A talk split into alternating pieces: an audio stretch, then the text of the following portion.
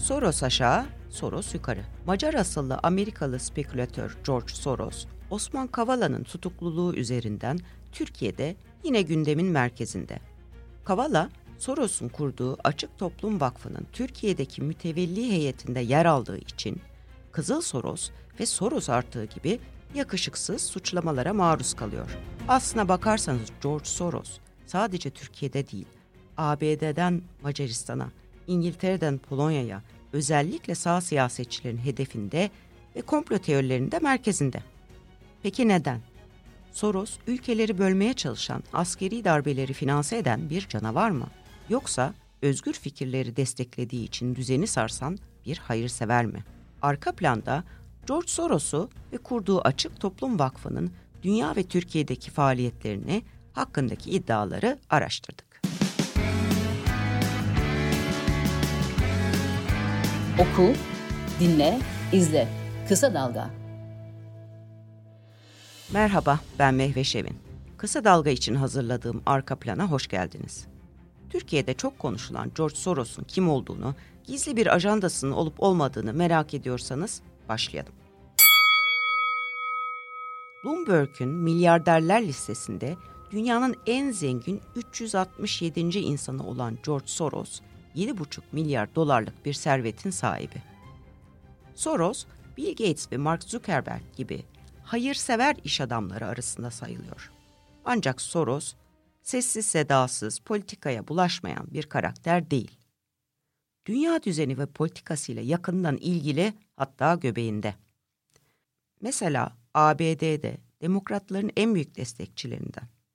Ana vatanı Macaristan'da ise otoriter başkan Viktor Orban'ın bir numaralı nefret objesi. Ayrıca Ukrayna'daki turuncu devrimden tutun Türkiye'deki gezi isyanına muhalifleri finanse etmekle suçlanıyor. Soros'un 1993'te kurduğu Open Society Foundation, Türkçesiyle Açık Toplum Vakfı, Afrika'dan Avrupa'ya 70'ten fazla ülkede sivil toplum çalışmaları yürütüyor. 2001'de Türkiye'de bir temsilcilik açan Açık Toplum, 2008'de de vakfı kurdu. Vakfın sitesinde 2001-2006 arasında Türkiye'de 86 projeye 7 milyon ABD doları destek verildiği yer alıyor. Vakfın kurucu mütevelli heyetinde Can Paker, Osman Kavala, İshak Alaton ve Murat Sungur var. Ancak Kavala'nın tutuklanması ve vakfın yönetim ve danışma kurulu başkanı olan Ali Hakan Altınay'ın gözaltına alınması üzerine vakıf Türkiye ofisini 2018'de kapatmak zorunda kaldı. AKP'nin kurucularından Bülent Arınç 26 Ekim'de Açık Toplum Vakfı ile ilgili şöyle konuşacaktı. Yani Soros bir ara muteberdi Türkiye'de açık toplum diye.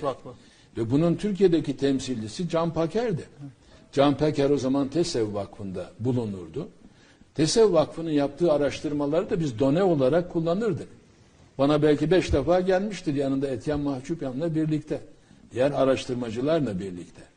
Yani o zaman baş tacı ettiğimiz, şu anda da baş tacı olan bir yerlerde bir insanın vay Sorosçu diyerek bir kısım insanların suçlanması kendimize bir saygımız olmalı.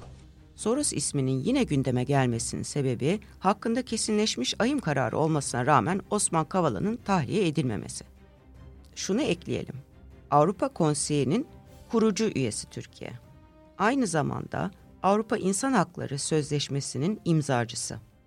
Türkiye'nin kendi anayasasına göre de AHİM'in kararlarını uygulama mecburiyeti var. Herkesin bildiği gibi 10 ülkenin büyükelçileri Kavala'nın tutukluluğunun 4. yılında serbest bırakılmalı çağrısı yaptı. Bunun üzerine iktidardan muhalefete bizim iç işlerimize karışmayın diyerekten farklı kesimlerde buna katılaraktan bu açıklama kınandı.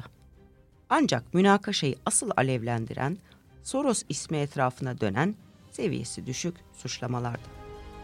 Evet, Cumhurbaşkanı Erdoğan'ın açıklamasının ardından CHP lideri Kemal Kılıçdaroğlu da bu konuşmayı yaptı.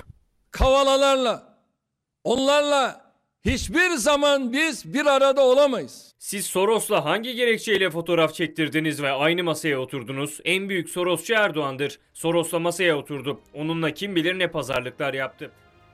Osman Kavala tutuklu bulunduğu cezaevinden yanıt verdi.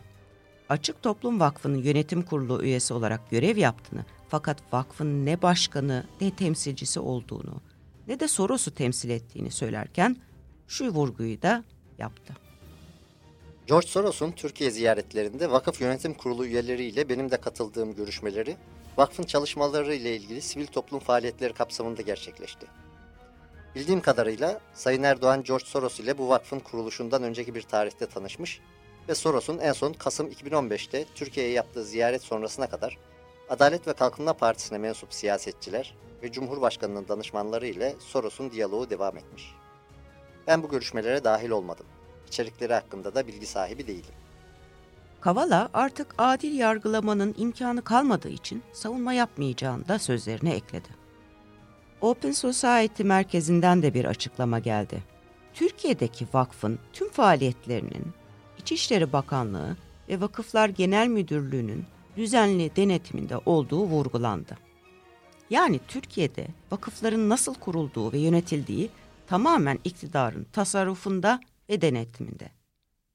Öyleyse neden Soros bu kadar tartışmalı bir isim?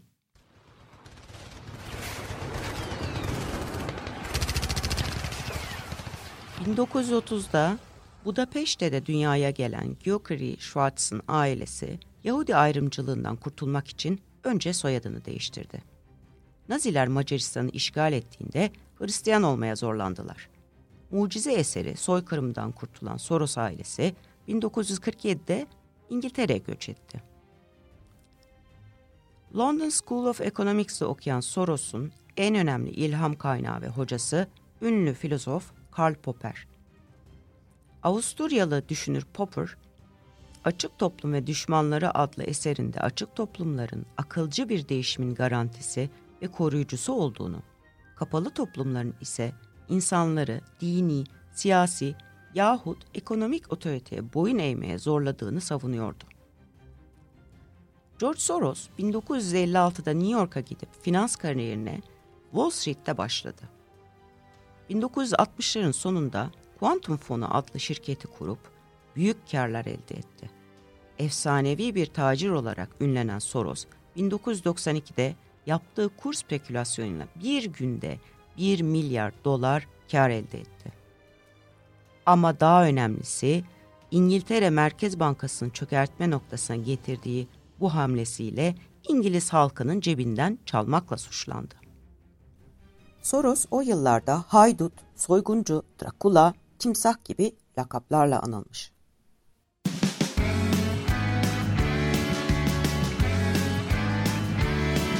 Kulağınız bizde olsun. Kısa Dalga Podcast. Soros, fikirlerini yaymak için Açık Toplum Vakfı'nın ilkini 1984'te anavatanı Macaristan'da kurdu. Burada üniversitelere, deneysel eğitim modellerine, kültür ve sanata maddi destek sağladı. Sadece Doğu Avrupa'da değil, Güney Afrika'da apartheid rejimine karşı siyah öğrencilere maddi destekte bulundu. Soğuk Savaş sonrasında Açık Toplum Vakfı eski komünist ülkelerde temsilcilikler açtı. Soros, amacını eski Sovyet İmparatorluğu içindeki birçok ülkede demokratik hükümetlerin ortaya çıkmasına katkıda bulunmak olarak açıklıyordu. Çünkü Soros'a göre komünist ülkeler Karl Popper'in kapalı toplum tanımına uyuyordu. Parayla, yenilikçi fikirlerle bu rejimleri zaman içinde barışçıl bir şekilde değiştirmenin mümkün olduğunu herkese göstermek istiyordu. Eski Doğu bloku ülkelerinin serbest pazara girmesiyle Batı ile Doğu'nun yakınlaşacağını, daha çoğulcu toplumların ortaya çıkacağını savundu. Tabi bu faaliyet ve fikirleri nedeniyle komünizm düşmanı ABD'nin maşası olarak anılmaya başlandı. Günümüzde de iktidar medyasında isyanın mühendisi başlığıyla şöyle haberler yapılıyor. Sırbistan'da Otpor, Gürcistan'da Kımara, Ukrayna'da Pora, Kırgızistan'da Birge. They mainly operate in countries in which the Western world has a clear interest. Hardly a coincidence it seems. Hepsi aynı merkezden üretilmiş benzer sloganlar. Direniş, yeter, zamanı geldi, birlikte.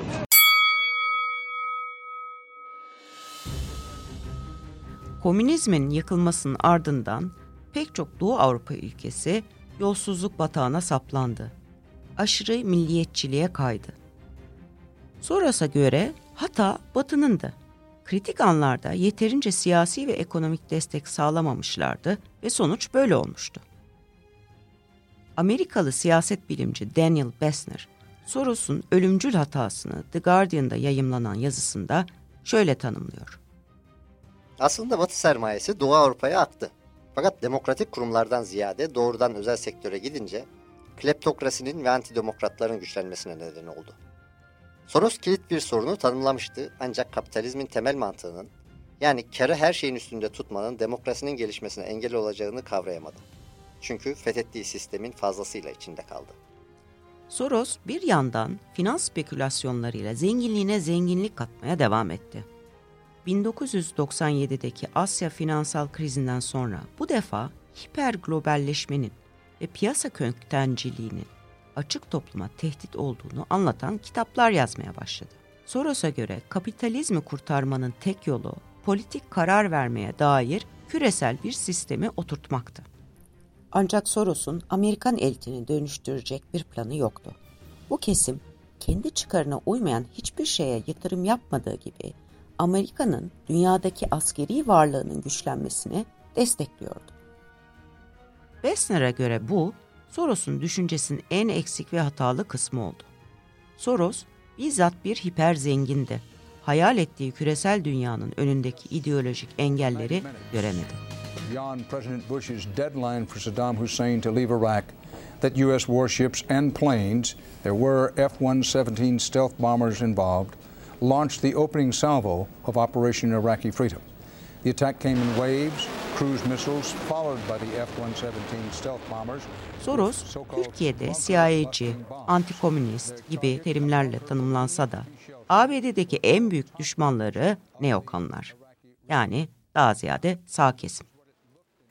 George W. Bush'un 11 Eylül sonrasında ilan ettiği teröre karşı savaşa ve Irak işgaline yüksek sesle karşı çıkanlardandı. Hatta 2004'te Amerikan Egemenliği Balonu adlı bir kitap yazdı. Soros'a göre ABD'nin dünyadaki ya bizimlesin ya bize karşı anlayışının Nazilerden, Sovyetlerden pek farkı yoktu. Bush yönetiminin ülkeyi sürekli savaş haline sürüklediğini, işgal edilen yerlerde gerilinin baskılanacağını öngördü. 2004'te Demokrat aday Kerry canı gönülden desteklese de yine Bush kazandı. Burada Türkiye'ye dönelim. Bildiğimiz Soros ile Tayyip Erdoğan'ın daha siyasi yasağı varken 2003'te Davos'ta hem gizli hem açık görüşme yaptı. 2005'te ise Soros'un Türkiye'de AKP kurmaylarınca ağırlandı. Bu tarihler AKP'nin yeni iktidara geldiği, AB üyeliği sürecinin hızlandığı, Gülen cemaatinin de giderek güçlendiği döneme işaret ediyor. Dolayısıyla hem Türkiye'deki muhalif sol hem sağ için Soros, AKP'nin güçlenmesini destekleyen Batı'nın ve liberallerin cisimleşmiş hali. Siyaset bilimci Profesör Doktor Adnan Ekşigil, Birikim dergisinde yayınlanan yazısında şöyle diyor. Hem süper zengin hem hiper spekülatör hem üstüne bir de Yahudi olunca Soros'un komplo kuramcılar için yenilip yutulmaya doyulmaz bir malzeme haline gelmesi ve sonunda komünistten kapitalistine, İslamcısından evangelistine dek çok geniş bir kesimin gözünde tam bir şeytan figürüne bürünü vermesi şaşırtıcı değil. Ne var ki kapitalizmden en çok nemalananların başında gelmesine rağmen Soros'un kapitalizmi meşrulaştırıcı bazı basma kalıp inanç ve efsanelere itibar etmediği, hatta bunlara keskin eleştiriler getirdiği.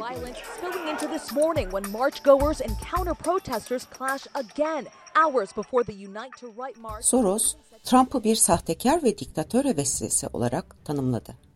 Başta Fox News olmak üzere Trump'ı destekleyen Amerikan medyasında Soros'la ilgili sayısız komplo teorisi üretildi. Biraz da yakın döneme bakalım. Amerika'da Donald Trump'ın başkan olmasıyla ABD'de Soros'a saldırılar başka bir boyuta taşındı. 2017'de neonazilerle protestocular Virginia'da çatışırken bir genç kadın Heather Heyer arabayla ezildi. Amerikan sağı Soros'un Trump'a zarar vermek için bu olayları organize ettiğini ileri sürse de bu iddialar kanıtlanamadı. Soros'un Avrupa'daki baş düşmanı ise Macaristan'ın otoriter aşırı sağcı lideri Viktor Orban. Son seçim kampanyasını Soros düşmanlığı üzerine kuran Orban, Amerikalı spekülatörün sınırları açarak ülkeyi göçmenlerle doldurmak istediğini iddia etti. Kısacası Soros bugün Trump'tan Putin'e, Orban'dan Erdoğan'a, dünyadaki otoriter liderlerin bir numaralı düşmanı. Evet podcastimizin sonuna geldik. Arka planda her perşembe yeni bir haber dosyasıyla yine karşınızda olacağız. Görüşmek üzere, hoşçakalın. Kısa Dalga podcastleri Demet Bilge Erkasab'ın editörlüğünde Mehmet Özgür Candan'ın post prodüksiyonu ve Esra Baydemir'in hazırladığı görseller ile yayınlanıyor. Kısa Dalga'ya destek vermek için Patreon sayfamızı ziyaret edebilirsiniz.